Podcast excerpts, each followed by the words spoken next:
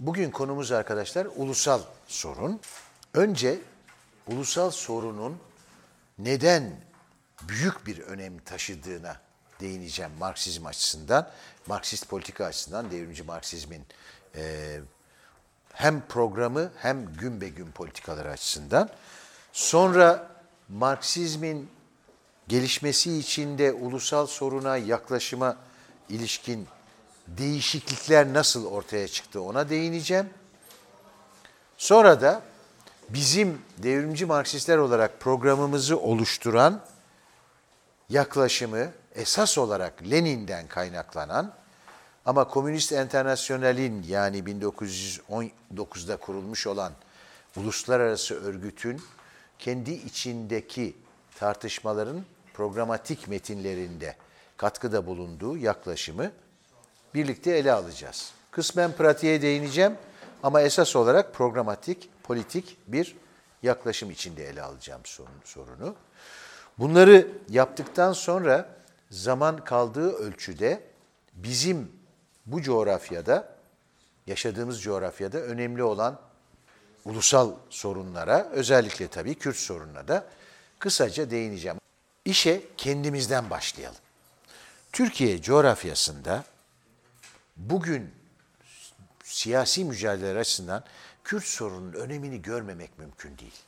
İşin sadece ilkesel yanı açısından değil, ilkesel yanı açısından birazdan konuşacağız. Bizim için son derece hassas bir konu, son derece belirleyici bir konu. Bizim enternasyonalizmimizin e, onuru söz konusu bir bakıma burada. Birazdan konuşacağız bunu. Yani enternasyonalist bir politika güden bir devrimci Marksist hareketin Kürt sorunu karşısındaki tavrının çok berrak olması gerekir.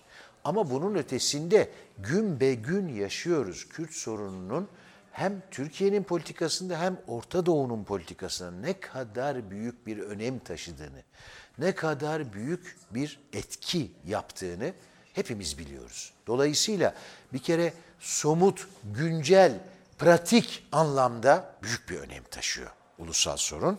Kürt sorunu bunun en belirgin özelliği. Dediğim gibi sadece Türkiye bağlamında değil, Irak, Suriye ve İran'da da Kürdistan'ın bölgeleri olduğuna göre bütün Orta Doğu'da çok büyük önem taşıyor. İkincisi, bizim coğrafyamız açısından ulusal sorun sadece Kürt sorunuyla sınırlı değil. İleride başka ulusal sorunlar da çıkabilir. Yani aramızda Çerkes var mı bilmiyorum, Gürcüler var. Yani hepsinin arasında da biraz böyle bir ulusal bilinç gelişiyor gibi. Ben mesela şimdilerde Gupse adını sık sık duyuyorum. Yani bir ay içinde iki tane Gupse duydum, Çerkes adı. Çok şaşırdım ama insanlar çocuklarına artık böyle adlar veriyorlar. E, Lazların zaten yavaş yavaş bu konuda bir uyanış içinde olduğu ortada. Dolayısıyla yarın öbür gün başka sorunlar olabilir. Ama ben onlardan bahsetmiyorum. Benim bahsettiğim bir bakıma bizim şimdi çatısı altında yaşadığımız devletin harcında var olan kan. Muazzam bir katliamlar dizisinin sonunda kurulmuş bir devletten bahsediyoruz. Burada zerre kadar milliyetçi tepki olmaz. Çünkü Türk devleti ve Türk burjuvazisi, onun sahibi olan Türk burjuvazisi, bütün 20. yüzyıldaki başarılarını bir dizi etnik grubu, bir dizi başka milliyeti, ulusu katletmekle elde etmiştir. Temellerini öyle atmıştır. 1915'te Ermeni soykırımı, 1900 Birinci Dünya Savaşı'nın sonundan itibaren Pontus'ta yaşananlar, belki savaş içinde başlayan zaten, o konular hala yeteri kadar deşilmedi ve 1936-38 döneminde özellikle Dersim'de yaşananlar, üç tane ayrı soykırım tipi olay. Şimdi tek tek o hangisi soykırımda hangisi değildi konuşmamak için öyle diyorum. Ermeni şeyinin katliamının bir soykırım olduğunda kuşku bence yok. Dersim'de ona yaklaşıyor. Pontus iyi bilmediğim için bir şey diyemem. Dolayısıyla bunlar bizim tarihimizin parçası ve tabii ki hayaletler insanın peşini kolay kolay bırakmaz. Bir ülkenin, bir ulusun tarihinde böyle şeyler varsa bunlar geri tekrar tekrar gelecektir.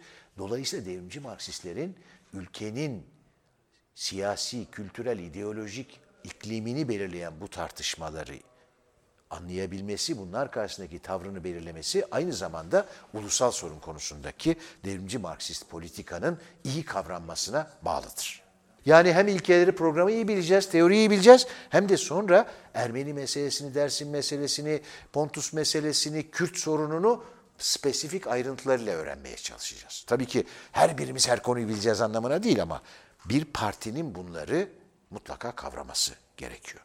Daha geniş açıdan bakarsak arkadaşlar ortaya şöyle bir şey çıkıyor. Bakın şimdi Lenin'in mesela Marx'ın yahut da yaşadığı dönemde yani Marx'ın yaşadığı dönem emperyalizm öncesi dönem, Lenin'in yaşadığı dönem emperyalizmin yeni yeni başlamakta olduğu dönem.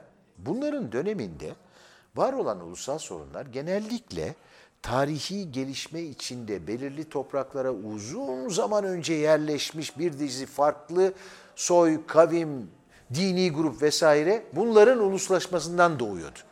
Yani çok basit örnek. Türkler Anadolu'ya 1071'de geldiler. Ermeniler zaten ondan bin, e, binlerce yıl önce zaten Anadolu'da oturuyorlardı. Rumlar Anadolu'daydı. Bizans'ın zaten devamıdır Rum nüfus biliyorsunuz. Kürtler Anadolu'daydı ya da Mezopotamya ve Anadolu'daydı. Şimdi burada ne var? Biraz önce bahsettiğimiz sorunların kökleri tarihte. Bugün durum farklı. Emperyalizmin yükselmesinden ve dünyaya hakim olmasından sonra ulusal sorun kapitalizmin işleyişinin mantıksal, sistematik olarak kendisinin ürettiği bir şey haline geliyor.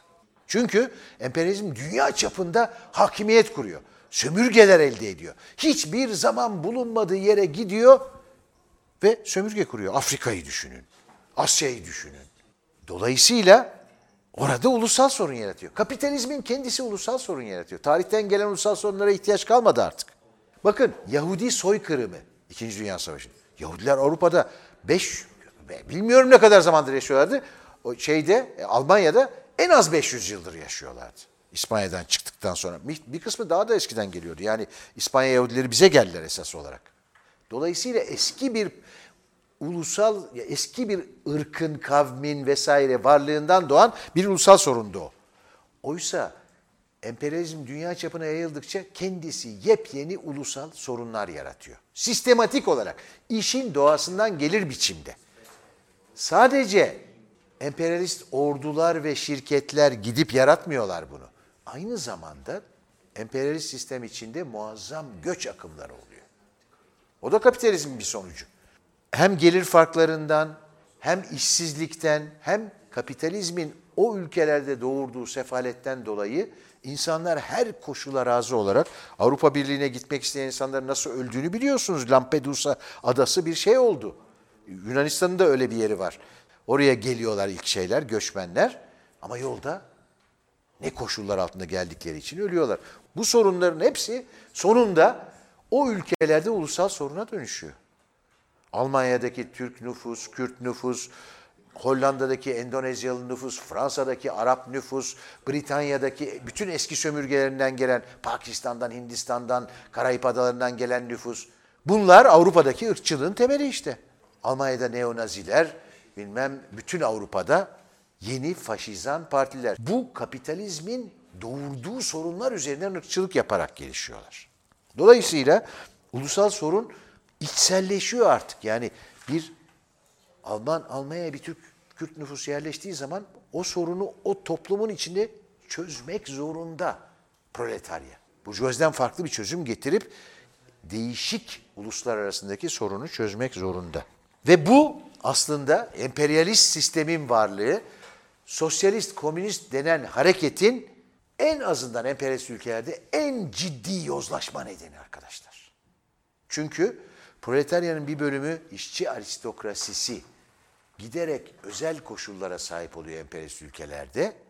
Ona yönelen partiler de tamamen ırkçı politikalar geliştirmeye başlıyor. Birazdan konuşacağız. Ta yüzyılın, 20. yüzyılın başından başlıyor bu. Tamamen mesela Almanya'daki parti Alman milliyetçisi haline geliyor. Güya sosyalist komünist. Britanya'daki parti Britanya proletaryasının bütün ön yargılarına teslim oluyor. Bu çok ciddi bir yozlaşma nedeni. Nihayet sosyalizmin inşasına girişen ve yarı yolda çöken bir takım toplumlarda, Sovyetler Birliği'nde, Çin'de, Yugoslavya'da ve diğerlerinde ulusal sorun çok büyük bir önem taşıdığı için ve geleceğin sosyalizm inşa e, şeylerini, deneyimlerinde daha sağlıklı devrimci Marksistlerin yönetiminde yapılan inşa deneyimlerinde ulusal sorun en önemli sorunlardan birisi olacağı için. Birazdan Lenin'i konuşacağız. Lenin için bu son derece önemli bir sorundu. Bakın en son biz bunu yazdık hatırlayacaksınızdır birçoğunuz. Ukrayna meselesi bize gösterdi daha evvel Gürcistan meselesi ve diğerleri de en ta 89-91 arasında Azerbaycan ve Doğu Avrupa'nın başına gelenler bunların hepsi aslında ulusal sorunun sosyalizmin inşasına ne derece önemli olduğunu ve ulusal sorunda devrimci Marksist politika izlemeyenlerin nasıl başının belaya girdiğini açık ve seçik şekilde gösterdi. Doğu Avrupa arkadaşlar tamamen Sovyet hakimiyetinden kaçtı. Bugün bakın size şimdiden söyleyeyim eski sosyalizm, Çin'i bir yana bırakın. Avrupa'yı düşün yani. Sovyetler Birliği ve Doğu Avrupa'yı düşün. Yani işçi devletlerinin olduğu coğrafya olarak Avrupa'yı bir yana düşün. Çin'deki durum kendi başına ayrı bir şey. Bugün eğer eski işçi devletlerinde, Sovyetler Birliği artı Doğu Avrupa ülkelerinde en çok eski dönemi özleyen toplum Rusya ise, Rusya Federasyonu ise bunun bir nedeni olmalı. Bunun nedeni sadece orasının en gelişkin olması değil. Bunun nedeni öbürlerinin hepsinin ulusal sorundan dolayı yaka silkmeleri. Siz tanıyor musunuz hiç Bulgaristan Türklerinden insanları? Ben konuşuyorum devamlı. Öğrencilerim falan da var.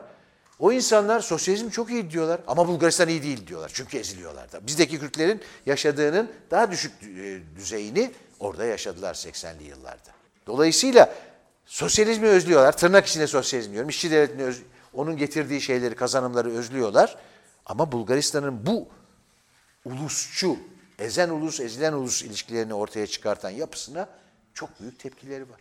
Dolayısıyla gözle görebiliyorsunuz nasıl soğuyorlar sosyalizmden insanlar. Aynı şey Polonyalıların Ruslara karşı, Macarların Ruslara karşı, e, Çeklerin Ruslara karşı tepkisi de ortaya çıkıyor. Hepsi büyük bir tepki içindeydi. Dolayısıyla bütün bunlardan dolayı devrimci Marksizlerin politikasında da programında da ulusal sorun çok büyük bir önem taşıyor. Bunun bilincine varmazsak ya bırakalım bunları sınıf meselesi falan falan çok kısa süre içinde Türkiye gibi, Orta Doğu gibi coğrafyada hemen mesela İsveç'te olsa belki çok daha geç olur. İtalya'da olsa daha geç olabilir. Yani göçmenler meselesi dolayısıyla kapitalizm bunları ürettiği için öyle hiçbir yerde artık kalmadı kolay kolay. Ama gene de daha geç olabilir. Türkiye gibi bir yerde hemen başınızı kayaya çarparsınız. Ulusal sorunda bir pusulanız yoksa. O yüzden de e, bunları küçümsemek hiçbir şekilde kabul edilemez. Bu sorun karşısında Marksistlerin tavrı, tavrı tabii ki değişik aşamalarda farklı olmuştur. Her siyasi akım, hatta her bir büyük devrimci tarihi gelişme içinde öğrenir. Yani kimse, herkes, yani büyük dahiler bile analarından, analarının karnından bu formüllerle doğsalar zaten şeye gerek kalmazdı. Yani büyük mücadelelere falan gerek kalmazdı. Yani bilirdik baştan. Marx'la Engels o Marksizmin iki büyük dahi kurucusu ulusal sorun konusunda çok önemli atılımlar yaptılar ama tam berrak bir görüşe kavuşamadılar. Yalpalayan bir yanları vardı. Özellikle Engels'te. Çünkü Engels böyle işlere daha çok uğraşıyordu ayrıca yani Marx kapitalle uğraşırken. Ama son derece önemli bazı e, kazanımlar var Marx'la Engels'te. Birincisi ve çok belirgin bir şekilde kendilerinin de yaşadığı kapitalizmin en ileri gittiği ve dolayısıyla kapital için bile yani o kitap için bile model ülke olan Britanya'da ulusal sorun. İrlanda sorun. İrlanda, Britanya adalarının bir adası biliyorsunuz. İngilizler tarafından sömürgeleştirilmiş bir ülke. Sömürgeleştirilen çoğu ülke gibi yoksullaştığı için sayısız İrlandalı da milyonlarla İngiliz adasına gelip orada proletaryanın bir parçası oluyor ve en alt katmanların tanıdık bir şey var herhalde değil mi? Yani Kürtler nasıl Türkiye'de inşaatten e, bilmem günlük emek pazarına kadar en düşük katmanlarını oluşturuyorsa şeyin, e, proletaryanın orada da İrlandalılar öyle.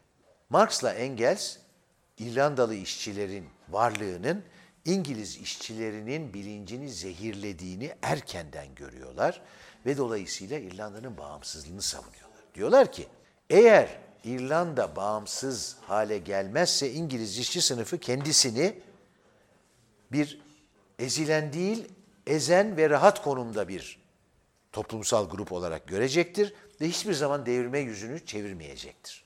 Başka bir ulusu ezen ulus kendi zincirlerini örer cümlesi Marx'ın ulusal sorun konusunda bütün dünyanın proleterlerine yaptığı büyük uyarıdır.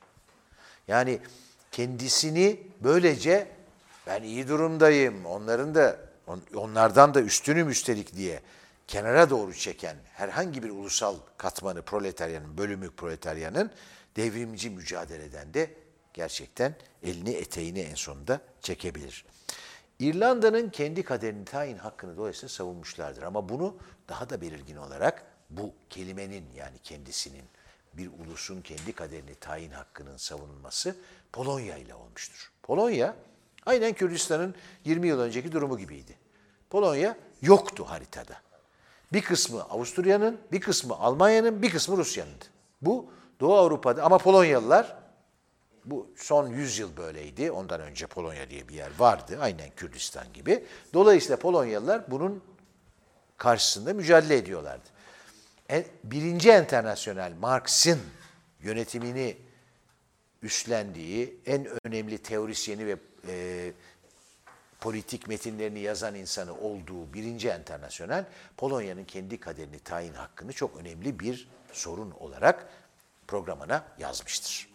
Bu ikisi aslında Marksistlerin, Marx'la Engels'in pardon, 19. yüzyılda ezilen ulusların kurtuluşu bakımından en ileri programatik atılımlarıdır. Diğer uluslara da adım adım aslında Engels mesela hayatının sonuna geldiğinde bütün ezilen ve küçük ulusların kendi kaderini tayin hakkını açık açık yazıyordu. Ondan önce bazı yalpalamalar olmuş olsa bile. Ama ulusların kendi kaderini tayin hakkının Marksist partilerin, Marksist enternasyonellerin ayrılmaz programatik ilkesi haline gelmesi Lenin'le ve Bolşeviklerle birlikte olacaktır. En ufak bir yalpalama olmadan, hiçbir şekilde taviz vermeden ulusların kendi kaderini tayin hakkının savunulması Lenin'in çabasının ürünüdür ve bize bugüne devrimci Marksist harekete oradan gelmiştir. Şimdi ulusal sorun konusunda ikinci kuşakta 20. yüzyılın başına geldik. Marx'la Engels biliyorsunuz Engels 1895'te ölüyor. Marx'la Engels ölmüş. Onların yetiştirdiği veya onların eserleriyle yetişen bir ikinci kuşak gelmiş. Bu kuşakta çeşitli tavırlar var ve bu tavırlar bugüne kadar devam etmiştir. Birincisi bir kere tamamen düzenin parçası haline gelmiş olan ama kendine sosyalist, bugün aynı zamanda sosyal demokrat diyen bir takım işçi sınıfı içinden çıkmış hareketlerin aslında emperyalist bir zihniyete sahip olması. Bu ilk defa şöyle çıkıyor ortaya. Avrupa biliyorsunuz 19. yüzyılın sonunda bütün dünyayı sömürgeleştirmeye girişiyor. Emperyalizm çünkü büyük yükseliş gösterdiği aşama. Emperyalizmin kurulduğu aşama aslında o. Bir aşama olarak ortaya çıktığı dönem. Konuştuk emperyalizmi. Afrika tamamen sömürgeleştiriliyor. Asya'nın çok büyük kesimleri sömürgeleştiriliyor. Ya da Türkiye, İran, Çin gibi ülkeler yarı sömürge haline geliyorlar. Dolayısıyla bu patlama anında ikinci enternasyonelde o andaki Sosyalist Partilerin Uluslararası Örgütü'nde ulusal sorun ve sömürgeler sorunu büyük bir tartışma konusu oluyor. Enternasyonelin önemli bir bölümü o dönemde revizyonist olarak anılan Bernstein ve arkadaşları başta olmak üzere uygarlaştırma misyonu adı altında sosyalistlerin sömürgelere yeni bir uygarlık götürmesinde görevleri olduğunu, dolayısıyla sömürgeciliğe karşı çıkılmaması gerektiğini söylüyorlar. Şimdi arkadaşlar, burada bir düşünsel yanlış falan yok. Burada Almanya'nın işçi aristokrasisinin ve işçi bürokrasisinin kendi görüşlerini ifade etmesi var. Burada çıkarlar söz konusu. Bunu iyi anlamak lazım. Emperyalist ülkelerin işçi sınıfı bölünmüştür. Bunu her her seminerde neredeyse söylüyorum. Bizimkiler gibilerinde de bazı kısmi belirtileri vardır bunun. İşçi sınıfı bir bütün değildir ve içinden farklı en azından iki akım çıkarır. Biri düzene adapte olan, birisi ise düzenle hesaplaşan. Kimi zaman hesaplaşanı, devrimcisi çok zayıf kalır. Sonra yeniden yükselir. Mücadelesi sırasında kapitalist sınıfın yanı sıra sendika bürokratlarına ve reformist partilerin liderliklerine karşı da savaşmak zorundadır. Bunlar onun işaretidir. İlk ciddi ortaya çıkışıdır. Sömürgeler elimizde kalsın diyor. Müthiş bir şey. Ne gerekçeler ne gerekçeler yaratıyorlar. Yani okusanız yüzünüz kızarır bunlar sosyalist miymiş diye. Ama ikinci enternasyonel üyeleri Alman Sosyal Demokrat Partisi'nin üyeleri Kautsky mesela o dönemde ulusların kendi kaderini tayin hakkına taraftar. Sonra da o da terk edecek. İkincisi bundan farklı bir şey var. Bu, bunun bir uzantısı var tabii. Belirli ülkelerin emperyalist olmayan ülkelerin, Türkiye'yi düşünün şimdi. Buna benzer bir şey o. Ulusal devletinin ve işçi sınıfı içindeki yargılarının doğrultusunda sosyal şovenizmi yapan, yani işçi sınıfın içinden gelmekle beraber şovenizm yapan hareketler. Türkiye'de Kürt hareketine karşı tamamen ön yargılı, Kürt halkına karşı ön yargılı ve var olan durumun devam etmesini isteyen akımlar. Bunlar da yani emperyalist olmayan ülkelerde bile bol bol görülen şeylerdir. Her ülkede görebilirsiniz. Bunlardan vardır ulusal sorunun olduğu her ülkede. İkincisi, demin söylemiştim ulusal sorun yozlaşmanın, işçi hareketi ve sosyalist hareket içinde yozlaşmanın en önemli nedenlerinden bir tanesidir. İkincisi şudur. Diyorlar ki bir takım sosyalistler, bambaşka bir şeye geçiyoruz şimdi. Diyorlar ki bazı sosyalistler, ya dünya öylesine bütünleşti ki, Emperyalizm var. Şimdi küreselleşme deniyor biliyorsunuz 100 yıl sonra. Daha da büyük bir bütünleşme var. Artık hiçbir ekonomi bağımsız değildir. O zaman bağ, bağımsız devlet istemek niye? Böyle bir şey olamaz ki. Gerçek temeli yok. Ve bunu mesela Rosa Luxemburg gibi birisi veya Birinci Dünya Savaşı döneminde Lenin'in emperyalist ekonomizm adını taktığı bir ekolün mensupları olan Piatakov, Buharin gibi Bolşevikler de savunmuşlardır. Ekonomi bütünleşti. O zaman siyasi olarak da temeli yok bağımsızlığın. O zaman niye ulusların kendi kaderini tayin hakkı olsun?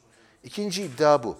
Lenin de diyor ki, yahu biz proletarya diktatörlüğü için mücadele ediyoruz ama demokratik parlamenter rejimi, baskıcı, çarlık rejimine, faşizme şuna buna tercih etmiyor muyuz? Onun gibi bütünleşmiş bir ekonomiye doğru giderken dünya çapında her ulusun eşit olmasında savunmamız siyasi bir sorundur. Bununla ne ilgisi var diyor. Nitekim Rosa Luxemburg diyor ki Polonya öylesine Rusya ile bütünleşmiştir ki Rosa Luxemburg çok büyük devrimci arkadaşlar. Konuştuk Rosa Luxemburg'u defalarca. Polonya öylesine Rusya ile bütünleşmiştir ki bağımsızlığı söz konusu olamaz. Bir dönün bakın şimdi. Var mı yok mu? Yani İkinci Dünya Savaşı'ndan biri Polonya diye bir ülke var. Tamamen gerçek dışı bir şey söylediği ortada. Yani tamamen yanlış görmek dünya ekonomisinin içinde ulusal ekonomilerin yerini. Üçüncüsü de efendim bu bizi sınıf politikasından saptırır. Dolayısıyla ulusal meselelerle uğraşmayalım. Biraz önce zaten girerken konuya söyledim arkadaşlar. Somut politika içinde bir kere başınızı hızla sağdan sola taşlara çarparsınız. Ama daha ötesi var. Lenin aslında ulusal sorunlarda doğru politikanın sınıf politikası açısından tamamen gerekli olduğunu kanıtlamıştır. Birazdan zaten bunu anlatacağım. Dolayısıyla burada da yanlıştır. Eğer sınıfsa, Komünist Manifestosu'nun son cümlesini hatırlayın. Bütün ülkelerin işleri birleşin. Demek ki birden fazla ülkenin işçi sınıfının bir sorunu var ortada. Komünizm diye. Peki aralarındaki sorunlar nasıl hallolacak ulusların? Demek ki bizi sınıftan saptırıyor değil. Marksizmin ulusal sorun politikası zaten sınıf politikasıdır. Birazdan iyice anlatmaya çalışacağım. Şöyle söyleyeyim arkadaşlar. Marksizmin, söyleyeyim şimdiden, ulusal soruna ilişkin politikası, özellikle bu ulusların kendi kaderini tayin hakkıyla bilinen politika, en ufak bir milliyetçi bir zerre taviz vermez. Arkasında enternasyonalizmin gerçekleşebilmesi için bu politikanın izlenmesi gerektiği mantığı yatar.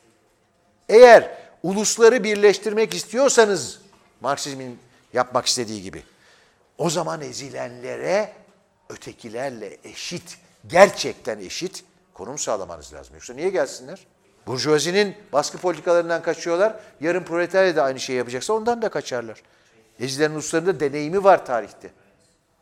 Ayrılmak isterler. Ve devamlı sorunlar çıkar. O yüzden diyorum daha önceki deneyimde bu kadar büyük etkisi oldu. Doğu Avrupa'yı siz ezdiniz mi Varşova Paktı'yla? Kendi yolunu aramaya kalkıştığı andan itibaren tanklarınızı Budapeşte'sine, e, Prag'ına soktunuz mu? Fırsatını buldu mu gider. Maalesef komünizmine tepki duyarak gider. Çünkü komünizmi öyle görüyor. Dolayısıyla yani mesele sınıf politikasıdır. Sosyalizmin kendi çıkarları politika, e, meselesidir. O yüzden bu tür sınıfçılık yapanlarla konuşurlar, konuşurken yani işin mantığını anlatmakta yarar var. Ya bu bizi saptırıyor. Yani burada aslında canım iş, Türk işçilerini kaçırıyoruz, Kürtlerin meselesi falan falan. Bir kere artık her işçi sınıfı çok ulusludur. Alm Bakın Fransa'da mesela Fransız Komünist Partisi denen o eski Stalinist şimdi artık liberalizmle de karışmış falan rezil bir parti var ya. Gene sosyalistlerin peşinden gidiyor şimdi seçimlerde. Bu parti devamlı Fransız işçi sınıfının çıkarları çıkarları falan diye dolaşır. Fransız işçi sınıfı nedir ki Fransa'nın işçi sınıfı? Çok büyük bir bölümü Arap'tır artık. Fransız işçi sınıfı ne demek? Yani sadece adı Jean-Paul veya An olanlar mı? Adı Fatima veya bilmem İbrahim olanlar ne olacak? Onlar da Fransız proletaryasının parçası, Fransa'nın proletaryasının parçası. Aynı şey burada. İşçileri yabancılaştıracağız. Kardeşim o kadar çok Kürt işçi var ki. Sınıf politikası izleyelim. Bu Yıldırım Koçlar filan ismini biliyorsunuzdur herhalde. Neler yazdılar. Sınıf adına. Gerekçeleri de o. Halbuki Türk e, işçi, Türkiye işçi sınıfı çok uluslu bir işçi sınıfı. Çok açık. Artık. Dolayısıyla şeyi de bir yana bırakın. Yani şimdiler de aslında daha az ölçekte olmakla beraber başka kıtalardan ve ülkelerden de insanlar geliyor. Türkiye'nin birçok yabancı işçisi var. Milyonla sayılıyor artık arkadaşlar. Bir kısmı gizli çalışıyor ama Ermenistan'dan gelmiş yüz binlerce insan var. İran'dan gelmiş burada yaşayan yüz binlerce insan var. Moldova'dan, Ukrayna'dan Rus Gelinler Derneği'ni biliyorum ben şeyde Antalya'da. İnsanların önemli bir bölümü proleter otellerde falan çalışıyor. Peki bu bağlamda Lenin geliyor ve ne diyor? Tamam hareketin içinde Marx'la Engels'ten gelen bir zaten kendi kaderini tayin hakkı şeyi var. Lenin geliyor ve bunu tam bir şey ilke yapıyor. E, programatik ilke haline getiriyor ve bunun üzerine muazzam bir şey yapıyor, mücadele veriyor. Bolşevik Partisi'nin programındaki en önemli maddelerden birisidir. Baştan itibaren Rus Sosyal Demokrat İşçi Partisi'nin sonra da Bolşevik Partisi'nin programındaki en önemli şeylerden birisidir ve Rosa Luxemburg'la Lenin arasındaki 3-5 önemli tartışma konuları konusundan birisi de budur. Parantezine şunu söyleyeyim. Trotsky, Bolşeviklere katılmadan önce aynen parti meselesinde olduğu gibi ulusal sorunun çok fazla farkında değildi. Elbette Roza da hiçbir ulusun ezilmesine taraftar değil. Trotsky de değil. Onların ikisinin pozisyonları yakın. Bu sorunun hayati, yaşamsal önemini ikisi de kavramamıştı. Trotsky aynen Bolşeviklere katılırken parti meselesinde öz eleştiri yaptığı gibi bu konuda da öz eleştiri yapmıştır ve sonra Lenin'in ölümünden sonra Lenin'in uluslar politikası insanlığın bütün bu sorunları aşana kadar mirasının ayrılmaz parçası olacak demiştir. Ve bütün politikası da Leninist politika haline gelmiştir uluslar konusunda. Ama geç. Gerçekten Lenin'in Marksizme getirdiği en önemli şeylerden birisidir arkadaşlar bu. Stalinistler ulusal sorun meselesi söz konusu olduğu zaman bunu bilmekte yarar var. Sürekli Stalin'in hem erken aşamada ulusal sorun konusunda ünlü bir makale yaz ya da kitapçık yazdığını söylerler. Hem sonra Milliyetler Komiseri olduğunu devrimden sonra yani milliyetler meselesine bakan en yetkili e, insan olduğunu söylerler ve kendilerine çok şeyler atfederler. Anlattıkları Leninist ulusal sorun teorisi de şöyle bir teoridir mesela. Ulus beş unsurdan oluşur. Ortak kültür, ortak tarih, ortak bilmem dil, bilmem ne bilmem ne. Bunlar Lenin'in hayat, o kitabı bir kere büyük ölçüde Lenin dikte ettirmiştir. Onu bilin bir kere. Yani Stalin çünkü yani Yalçın Küçük'ün güzel deyişiyle ara sıra güzel şeyler söyler. Bizde İmam Hatip'in karşılığı olan bir e, Gürcü manastırından mezun bir adamdı. Teorik kapasitesi son derece sınırlı birisiydi. E, dolayısıyla öyle kendi bağımsız teorik şeyini yapacak bir şey yok. Yani onun geliştirdiği teori sadece tek ülkede sosyalizm teorisidir. Lenin onu dikte ettiriyor. Çünkü 1905'lerde falan yazılıyor. Bu yazı Lenin'in sonradan tamamen açtığı bir şeydir. Arkadaşlar şunu kafanıza yerleştirin. Bütün büyük devrimcileri okurken birazdan başka konularda da geleceğiz. Lenin'in büyüklük zaten devrimci de teorisyen olarak da şuradan gelir. Yanlışı görünce düzeltmek. Yanlışta ısrar eden batağa batar. Öyle devrimcilik olmaz. Çünkü biz bunu baştan beri söylüyorum. Bizim teorimiz devrim kılavuzudur. Programın arka planıdır. Dünyayı anlayıp ona göre değiştirebilmek için o anlayışı kavram, e, kullanmaktır. Şimdi dolayısıyla Lenin hayatının belirli aşamalarında belirli şeyleri söylemiştir ve sonra durumu görünce nasıl gerçeğin testinde geçemeyen şeyler varsa onları terk etmiştir. Dolayısıyla Lenin'in Stalin'e 1906'da 7'de unuttum tarihini belki de 3'tedir. Dikte ettirdiği bir kitabı ya da şeyi falan 5 ulusun 5 unsuru falan unutun bunlar. Yok böyle bir şey. Lenin diyor ki bir aşamaya geliyor.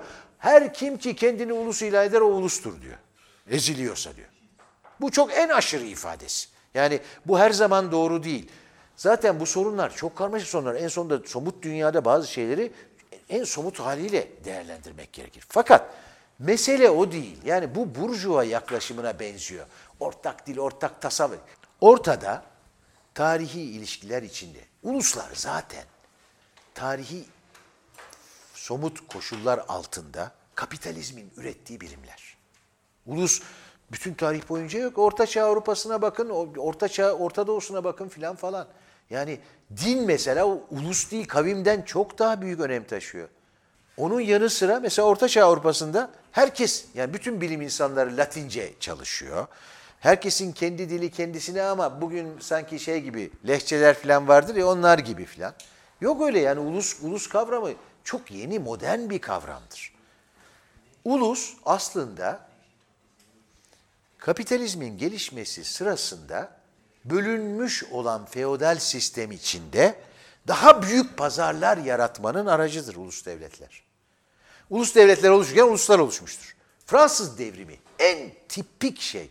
1789'da Fransa'da 30 milyon insan yaşıyordu. Bunların sadece 3 milyonu Fransızca konuşuyordu. Ne oldu şimdi 5 tane kriter? En önemlisi dil olan Fransa Burjuva devrimini yaşadıktan sonra Fransızca adım adım empoze edildi. Normanca konuşan vardı, Bretonca konuşan vardı, Oksitanca konuşan vardı, Baskça konuşan vardı. Bir kısmını bilmiyorum çünkü yok olmuştur muhtemelen. Ayrıca ben bilmiyorum. Dolayısıyla şunu söylemeye çalışıyorum. Ulus tarihi bir üründür ve kapitalizmin gelişmesinin doğrudan doğruya ürünüdür. İç pazarın bölünmüşlüğünü ortadan kaldırır. Nehirlerden geçen mallardan vergi alırlardı feodal beyler. Onu engelliyor, bütünleştiriyor. Aynı zamanda o ulus devlet aracılığıyla sermayenin belirli bir kısmı, mesela İngiliz sermayesi, Britanya sermayesi, Fransız sermayesine karşı rekabet ediyor. Bir iç bir dış yanı var. Dünya ticaretine el koyuyor o ulus devletin gücüyle vesaire vesaire. Dolayısıyla bu tarihi bir ürün ve büyük ölçüde bu, ne buluyorsa onun üzerinde yapıyor. Bu, bizim Anadolu topraklarında kim Türktü arkadaşlar? Yani Osmanlı döneminden çıkarken düşünsenize şimdi biraz önce saydık. Say say bitmez. Yani Çerkes dedik, Gürcü dedik, Laz dedik, Kürt dedik. Daha onlara neler eklenebilir? Arnavut'u, Boşnak'ı, şusu busu hepsini ekleyin. Sonra oradan bir Türk yaratıldı. Bugün Türkiye'nin yüzde bilmem nesi 99 derler herhalde. Müslüman diyorlar gerçi ama. Yani herkes Türk. Türk milletini de diyor Doğu Perinçek, Türk ve Kürt beraberce ihya edeceğiz. Şimdi dolayısıyla bunları bırakmak lazım. Lenin'in kendi yaklaşımı aslında doğrudan doğruya kendisini bir ulus olarak inşa eden bir topluluğun başkaları tarafından kendisine rağmen ezilmesine karşı bir eşitlik mücadelesidir. Ama gerçek bir eşitlik mücadelesidir. Birinci Dünya Savaşı Lenin'i Rus komünizminin bir önderi olmaktan dünya komünizminin bir önderi haline dönüştürmüştür. Bakış açısı, meseleleri ele alışı, yaklaşımı ve teorik birikimi muazzam bir teorik birikim sıçraması yapıyor. Dünyanın durumunu görünce muazzam bir okumaya dalıyor aynı zamanda. Lenin'i bir dünya önderi yapmıştır. O zaman ulusal soruna bakışı değişmiştir. Onun için şimdi Sungur yoldaşınızdan size bir şey. Kimle tartışıyorsanız 1916 öncesi Lenin'in ulusal sorun konusunda söylediklerini 1916 sonrasında söyledikleriyle karşılaştırdığınız zaman hangisi tutmuyorsa atın. 16 sonrasıdır geçerli olan. Ortak yanlar var ama ortak olmayan yanlar var. Dolayısıyla 16 sonrası yani savaş içinde ulusal sorun konusunda yazdıkları ve Ekim devrimi sonrasında söyledikleri ve yazdıkları ve yaptıkları belirleyicidir. Bir insan kendi hatalarından öğrenmişken o unutup onu geri dönüp bakın 29 yaşında böyle demişti. Demek biraz tuhaf olur. Şimdi peki nedir bu? Önce başlangıçta bir kere değişmeyen şeyleri konuşalım. Ulusların ve dillerin eşitliği mutlak bir şekilde kabul edilir. Böyle bir şey yani bunun dışında bir şey konuşulamaz. E, aksi kabul edilemez bir şeydir. Ama hemen not düşelim. Daha formel bir anlamda söylüyor bunu. Henüz formel. Hukuken eşitlik. O kadar. Söylenen bu. Birazdan göreceğiz ne anlamda söylüyorum. Yani savaş sonrasının ve devrim sonrasının kazanımlarına ilişkin şeyleri söylerken. İkincisi, bunun gerçekleşmesi için bunu şimdi iyi anlamak zorundayız arkadaşlar. Ulusların kendi kaderini tayin hakkı bir gerekli koşuldur. Neyin gerçekleşmesi? Eşitliğin. Neden? Ya burada eşitler işte diyemezsiniz. Çünkü bir ulusun devleti varsa öbür ulus da ben de devlet istiyorum derse eşitlik ancak öyle olabilir. Onun devleti varsa bunda Türküyle, Kürdüyle Türk milleti ve devleti derseniz işte eşitliğin olmadığı burada açıkça ortaya çıkıyor. Devlet ille kursun değil. Bakın ulusların kade, kendi kaderini tayin hakkı altını çizelim. Şimdi önce eşitlik yazalım. Aslında tam yazılacak andayız artık. Eşitlik. Dil, ulus ve dillerin eşitliği. İki, ulusların kendi kaderini tayin hakkı. Bazen şöyle yazıyorlar arkadaşlar, şaşırtmasın sizi. Ulusların kaderlerini tayin hakkı diye tek K ile yazıyorlar. İkisi de geçerlidir. Öyle yerleşmiş. Kimi insan öyle kullanıyor, kimi insan ulusların kendi kaderini veya kaderlerini tayin hakkı. Şimdi bu ikincisi birincisi için gerekli dedik. Şimdi biraz da ne gibi bir şey olduğunu açıklayalım. Gerekli, niye gerekli olduğu herhalde anlaşılıyor. Eşitse, onun devleti varsa onun da devleti olması lazım istiyorsa. Peki nedir bunun içeriği? Yani ille herkes gidip kendi devletini mi kursun? Gittikçe parçalayalım mı devletleri, ulusları? Küçük birimler mi? Hayır. Çünkü ekonomik olarak büyük birimler avantajlıdır. Dolayısıyla büyük birimleri Marksizm tercih eder. Amerika'nın herkesin önüne geçmesi, Avrupalıların önüne geçmesi mesela çok büyük bir ülke olmasındandır. Ta 19. yüzyılın başından itibaren muazzam bir gelişmeye olanak yaratmıştır. Dolayısıyla Sovyetler Birliği için aynı şey söz konusu. Çin için aynı şey söz konusu. Büyük ülke tercih edilir Marksistler tarafından. Büyümeyi, ekonomik gelişmeyi çok daha olanaklı kılar. Demek ki böyle parçalama falan istemiyoruz. Peki nedir mesele? Mesele şu. Altını çiziyoruz. Bakın hak isterse yapar. Yapsın demiyor kimse. Bazı durumlarda yapsın da diyoruz. Proletaryanın çıkarları ona daha uygunsa. Ama Marksistler hakkı tanıyorlar. Hiç kimseyi bu ne demektir? Bir devletin sınırları içinde zorla tutmamak. Gideceğim diyorsa izin ver. Şiddet uygulamamak. Şimdi ulusların kendi kaderini tayin hakkı dolayısıyla otomatikman ayrılma hakkı. Bunsuz bir ulusların kendi kaderini tayin hakkı yoktur. Olamaz. O zaman e, vermiyorsunuz demektir. Dolayısıyla Ezen Ulus'un partisi şey derse burada güzel barışçı olarak yaşayalım.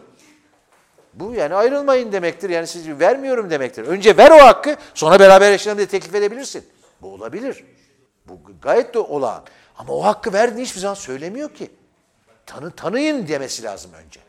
Şimdi bunu nasıl anlayabiliriz? Kafalar karışabilir bu konuda. Boşanma hakkını hatırlayın arkadaşlar. Nasıl? Katoliklikte yasaktı biliyorsunuz. Hala Mısır'da Kıpti şeylerinde, e, kilisesinde yasak. Dolayısıyla bazı Hristiyan kadınlar Müslüman oluyorlar biliyor musunuz? Yani her zaman Hristiyanlıktan Müslümanlık, Müslümanlık geridir, Hristiyanlık ileridir falan zannetmeyin. Hristiyan kadınlar daha ileri bir statü için Müslüman oluyor Mısır'da. Boşanma hakkı ille çiftler boşansın diye mi yapılıyor? Yok. Sadece özgürlüğü ortadan kaldırmasın diye yapılıyor. Bu aynısı işte. Boşanma hakkıyla aynı. Lenin kendisi yapıyor bu benzetmeyi zaten. Onun için hiç kafa karıştıracak bir şey yok burada. Bazı durumlarda Marksistler neredeyse sistematik olarak ayrılmayı savunurlar. Ayrılma hakkını değil sadece. Hak zaten teslim edilmesi gereken bir şey. Ayrılmayı niye, ne durumlarda kesinlikle sistematik olarak sömürgeler söz konusu olursa. Yani Britanya gitmiş Hindistan'a yerleşmiş. Onun birliği olur mu ya? Yani 3000 5000 kilometre bütün dünya birleşecek tabii birleşecekler federasyon olarak. Ama 3000 5000 kilometre öte olmaz öyle şey. Tarihi olarak aynı topraklarda yaşamış ulusların giderek büyüyen federasyonlarda birleşmesi gayet iyi bir şey. Yeni yeni de. E, özellikle şeyse nüfus, e, sınırlar birbirine değiyorsa. Ama yani sömürgeler hiçbir ilgisi olmayan ulusların birbirle ilişkisi. Yani kültür farklı, tarih farklı, her şey farklı. Ne o? Beraber yaşayalım. Olacak bir şey yok yani orada. Marksistlerin böyle bir şey söylemesi manasız. Kaldı ki esas önemli olan manasızlık değil. Sömürgelerde ayrılma zaten yani her yerde ayrılmayı savunmaz Marksistler ama bir örnek olarak sömürgelerde ayrılmayı savunur. Emperyalist sömürgelerde. Mesele şu arkadaşlar. Emperyalist imparatorlukların zayıflaması uluslararası proletaryanın çıkarlarına olduğu için esas olarak savunuluyor tabii. Yani sömürgelerinden yoksun kalması emperyalist ülkeleri zayıflatır o yüzden. Şimdi buna devam edersek bu aşamada buraya şey yazıyorum. Birinci Dünya Savaşı öncesi yazıyorum arkadaşlar. Bu aşamada henüz bir demokratik haktır. Bunu çok duyacaksınız. Demokratik haktır ulusların kendi kaderini tayin hakkı diye. Sadece öyle değildir. Birazdan göreceğiz. Ama Birinci Dünya Savaşı öncesinde Lenin de öyle görüyordu. Yani şu demek bu, bir burjuva demokratik hak olarak laiklik gibi bir şey, şunun gibi bir şey, bilmem kadınların çeşitli eşitlik hakları gibi bir şey filan. Sosyalizme ilişkin bir şey değil yani. Burjuva demokratik bir hak diye. Bu hala söyleniyor, bu doğru değil. Yaşadığımız bütün o sosyalist inşa deneyimlerinden sonra bunu söylemek mümkün değil ama Lenin'de zaten böyle değil. Bir kere 1914 sonrasında Lenin için demokratik hak olmanın ötesinde sosyalist inşanın bir sorunu haline geliyor. Şunu soruyor Lenin o aşamadan itibaren. Diyor ki biz yarın sosyalizmi kurarken çeşitli uluslar bir araya geleceğiz. Federasyonlar oluş, ya federasyon demiyor daha aşamada. Beraber devlet oluşturacağız. Peki ne yapacağız var olan ulusal sorunları? Nedir yapmak istediğimiz? Dolayısıyla sosyalizmin bir parçası haline geliyor mesele. Doğrudan doğruya proletarya diktatörlüğü döneminin bir e, veçesi, bir boyutu haline geliyor. Bakın 1916 yazılarında Polonya Partisi Rosa Luxemburg'da yapılan tartışmalarda iki tane çok önemli yazı var. İnsanlık nasıl, Lenin'i okuyorum şimdi, sınıfların ilgasına ancak, yani ortadan kalkmasına, ilga biliyorsunuz değil mi? Eski bir kelime. Nasıl sınıfların ilgasına ancak ezilmiş sınıfın diktatörlüğüne dayanan bir geçiş dönemi aracılığıyla, proletarya diktatörlüğünü kastediyor, ulaşabilecekse ulusların kaçınılmaz bütünleşmesine de ancak ezilen ulusların tam özgürleştiği bir geçiş dönemi aracılığıyla ulaşabilecektir. Burada ne var arkadaşlar? Proletarya diktatörlüğü döneminin, sosyalizme geçiş döneminin yeni bir görevi var. Ezilen ulusların ezilmişliğinin ortadan kalkması ve onların özgürleşmesi ile olabilecek diyor bir sosyalist topluma sınırsız, sınıfsız, sömürüsüz bir topluma gidişte sınırsız nasıl olacak? Bu şekilde olacak. Bu yeni bir yaklaşım meseleye. Şimdi bu üstelik henüz 1916'da devrim öncesinde yazılıyor. Devrimden sonra ne kadar önemli olduğu adım adım ortaya çıkacak. Bunun bir parçası olarak şey devam ediyor. Ulusların kendi kaderini tayin hakkı devam ediyor. Yani sosyalizm, ya kardeşim sosyalizm yapıyoruz ne gidiyorsun ya gidemezsin denmiyor kimseye. Ekim devrimi sonrasında arkadaşlar. Ekim devrimi oluyor. Çarlık kocaman bir dünya. Halkların hapishanesi diye biliniyor. Bizimki herhalde halkların mezbahası diye bilinmesi gereken bir yer. Yani bu bunu buraya hazırlanırken onu şey yaptım, fark ettim. Halkların hapishanesi diye biliniyor. Muazzam bir büyük Rus hakimiyeti var. Buradan çıkışta devrim her yere yayılıyor adım adım. Biraz yavaş yavaş mesela daha Türkiye devletlere doğru gidiyor falan ama batıda her yerde hızla oluyor. Derhal Finlandiya, Polonya ve Baltık ülkelerine kendi kaderlerini, tayin haklarını tanıyor Bolşevik yönetim ve onlar da gidiyorlar. Çünkü zaten uzun zamandır istiyorlardı bağımsızlıklarını. Onlar da kalkıyorlar gidiyor. Şimdi şimdi arkadaşlar bunun önemini kolay kolay anlayamazsınız yani karşılaştırma yapmazsanız. Tarihte böyle kapitalizmde çok az vaka var. İsveç-Norveç ayrılması ve sonra bu deneyimden sonra Çek-Slovak ayrılması. Siz Çek Cumhuriyeti ve Slovakya'yı biliyorsunuz. Biz Çekoslovakya bilirdik. Muazzam bir şey. Ve bir şey daha. Rosa Luxemburg bugün, ben onu hep söylüyorum, bizim karşımıza giderek Gramsci'yi kullanmak biraz bayatladı. Şimdi Rosa Luxemburg kullanacaklar. Hem kadın hem daha demokrat.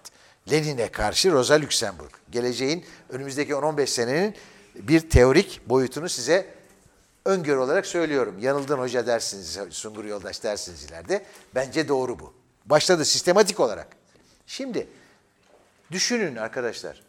Lenin beş tane ulusun kendi kaderini tayin hakkını tanıyor. Rosa Luxemburg niye tanıdın diye eleştiriyor. Kim daha demokrat? Uluslar arasında eşitlik demokrasinin en önemli koşullarından birisidir. Lenin bunu anlamıştır ve o yüzden en demokratlardan biridir komünist hareket. Bunu çok iyi yerleştirmek lazım. Bunun yanı sıra Rus devrimden sonra olan gelişmeler Lenin'e bir başka şeyi öğretiyor. Lenin 1900 bu sefer devrimden önce yani 14 öncesinin dönemi zaten ayırdık. Bu dönemde eski dönemde ulusların kendi kaderini tayin hakkını sadece ve sadece ayrılma hakkı olarak görüyordu. Yani burada ayrılma hakkı dahildir dedim ama aslında özdeşlik işareti koyabilirsiniz. Yani tayin hakkı ayrılma hakkıdır. Ayrılmayan bir ezilen ulus, bir ulus ondan sonra gayet normal şekilde merkezi devletin parçası olarak yaşayacaktır. Marksistler merkezi devlet isterler. Lenin'in söylediği buydu. Öyle federalizm, özellik falan öyle şeyler yok. Devrimden sonra Rus şovenizminin, işçi hareketinin içinde, Bolşeviklerin bile içinde devam ettiğini görünce federalizme doğru bir dönüş yaptı.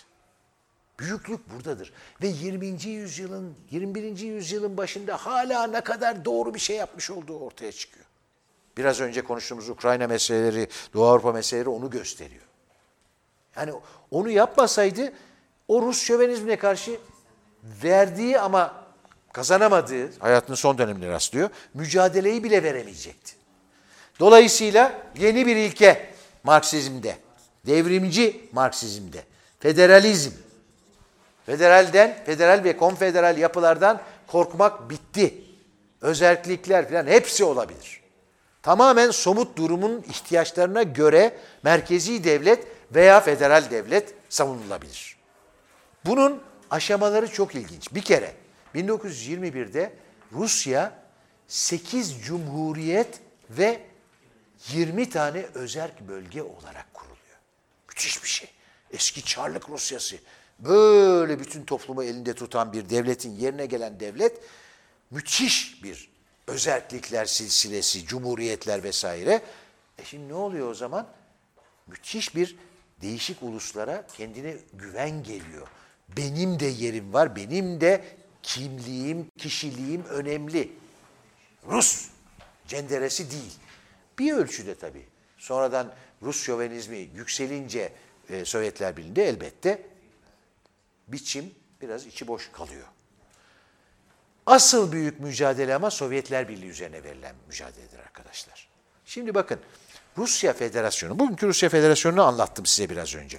Kırım mesela özel cumhuriyet biliyorsunuz değil mi? Yani şimdi Kırım büyük tartışma oluyor ama özel cumhuriyet kendine özgü zaten yönetim olanakları. Başbakanı var. Duymuşsunuzdur son günlerde çok konuşuluyor. Parlamento referandum kararı verdi. Kendi parlamentosu var. Şimdi bu bir yana ama. Esas tartışma başka bir yerde patlak veriyor. O tartışma şu. Rusya Federasyonu ile Türkiye Cumhuriyetleri Orta Asya'da, Kafkasya Cumhuriyetleri bunlar nasıl bütünleşecek? Ukrayna, Belarus bunlar nasıl bütünleşecek? Stalin ve arkadaşları. Daha bu aşamada Milliyetler Komiseri ya, demin söyledim. Bu işlerden sorumlu ya. Stalin ve arkadaşları büyük Rus şovenizminin uygulayıcıları haline geliyor. Bu erken aşamada. Burada bir şey var, bir tuhaflık var ama öyle. Daha bürokrasi falan pek yok ortada. Üstelik Stalin biliyorsunuz Gürcü. Yanında kendisiyle beraber bu işleri yapan Orjonikidze de Gürcü. Ya bir tuhaflık var ama nedir bilmiyorum. Şimdi bu insanlar bir yandan çok spesifik olarak Gürcü komünistlerine karşı son derece saldırgan ve tepeden bir tarz içinde eziyorlar onları. Bir yandan da bütün daha sonra Sovyetler Birliği olacak ülkenin Rusya Federasyonu olması için bastırıyorlar. Lenin hasta yatağından bir notunda diyor ki bir kalkayım yataktan bunu söylemiştim galiba. Bütün sağlam dişlerimle bu Rus şovenistleriyle mücadele edeceğim diyor. Kalkıyor, ediyor ve onu kazanıyor. Eğer Lenin bu mücadeleyi vermeseydi Sovyetler Birliği modern çağın ulus adı taşımayan tek devleti olmayacaktı. Bunu daha evvel de söyledim. Sovyet Sosyalist Cumhuriyetler Birliği ne ulus devleti? Yok. Şöyle düşünülmüş arkadaşlar, yeni ülkelerde devrim oldukça bu büyüyecek, onları da kapsayacak ve Avrupa Asya Federasyonu'na sonra belki Dünya Federasyonu'na dönüşecek bir şey olarak düşünülüyor. Bir ulusun hakimiyeti katiyen reddediliyor. 1922 yılında kurulan, sonunda kurulan bu federasyon bizim tarihi büyük kazanımımızdır. Leninist uluslar politikasının somut cisim haline gelmiş, cisimleşmiş halidir. Bunu hiçbir zaman unutmayalım. Yarın öbür gün biz bu topraklarda bir şeyler kuracaksak birlikte onun adı ya Anadolu Mezopotamya Cumhuriyeti olacaktır ya Orta Doğu olacaktır. Belki daha büyük olacağı için Orta Doğu Sosyalist Federasyonu en baştan belki olacaktır. Araplar filan da dahilse içine İranlılar varsa vesaire. Öyle bir ülke kuracağız biz. Ülke değil aslında halkların birliğini taşıyan bir federasyon. Dolayısıyla e, bunu yani o somut duruma bağlı. Başkenti Diyarbakır mı olur, Kudüs mü olur, neresi olur bilmiyorum. Ama Beyrut olur, neresi olursa ezilen uluslara öncelik tanıyalım diye söylüyorum. Kudüs de çok özel bir yer biliyorsunuz. Üç dinin merkezi. Bu son tartışma. Burada bir metin var. Özerkleşme diye biliniyor. Özerkleşme sorunu diye biliniyor. Lenin hasta yatağında dikte ediyor bu metni. 1922 sonu 23 başı yanlış hatırlamıyorsam. Yani zaten ondan sonra da çok büyük bölümünü 23'ün e, şey geçirecek, felçli geçirecek.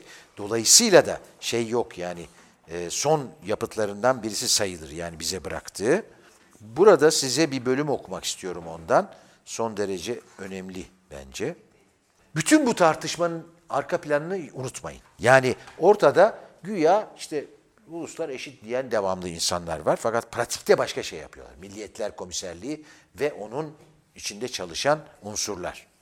Diyor ki bu okuduğum metin, daha büyük metin bir parçasını okuyorum şimdi size.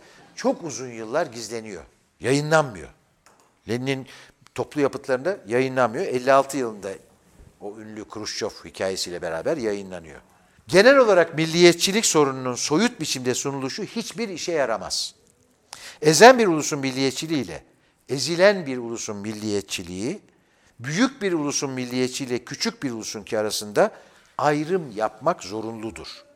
Biz büyük bir ulusun mensupları olarak, büyük derken arkadaşlar biz yüceyiz anlamına kullanmıyor. Güçlüyüz, büyüz, nüfus olarak büyüz diyor. Onu zaten çoğu zaman tırnak içinde yazar. Yani özellikle tırnağı için alır ki öbür türlü yanlış anlaşılmasın diye. Biz büyük bir ulusun mensupları olarak tarihsel pratik içinde hemen hemen her zaman ötekilerin haklarını sayısız defa çiğnemekten suçlu olduk. Pratik gerçeği söylüyor. Sayısız defa hakaretler, ezmeler, öldürmeler vesaire vesaire. Ekonomik baskılar. Bunun içindir ki ezenler bakımından enternasyonalizm yalnızca ulusların biçimsel eşitliğinin tanınmasından ibaret kalmamalı, gerçek pratikte var olan eşitsizliği ortadan kaldırmak için ezen ulusun, büyük ulusun aleyhine bir eşitsizlik içermelidir.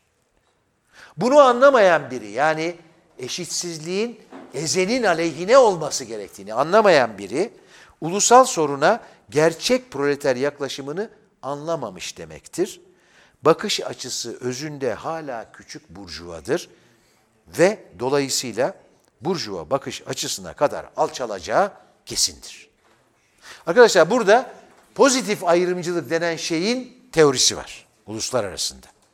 Bunu sonradan 60'lı yıllarda kadın hareketi, e, Amerika'daki siyahi hareket filan kendileri yeniden keşfedecekler.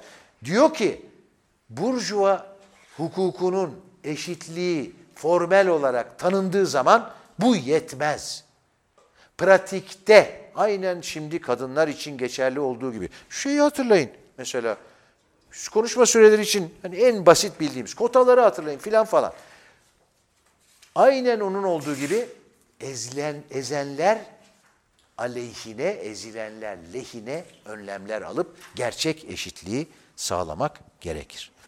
Ben o kadar önemli buluyorum ki Lenin'in ulusal soruna yaklaşımının özünü ve vardığı yeri çok uzun anlattım, ayrıntılı anlattım.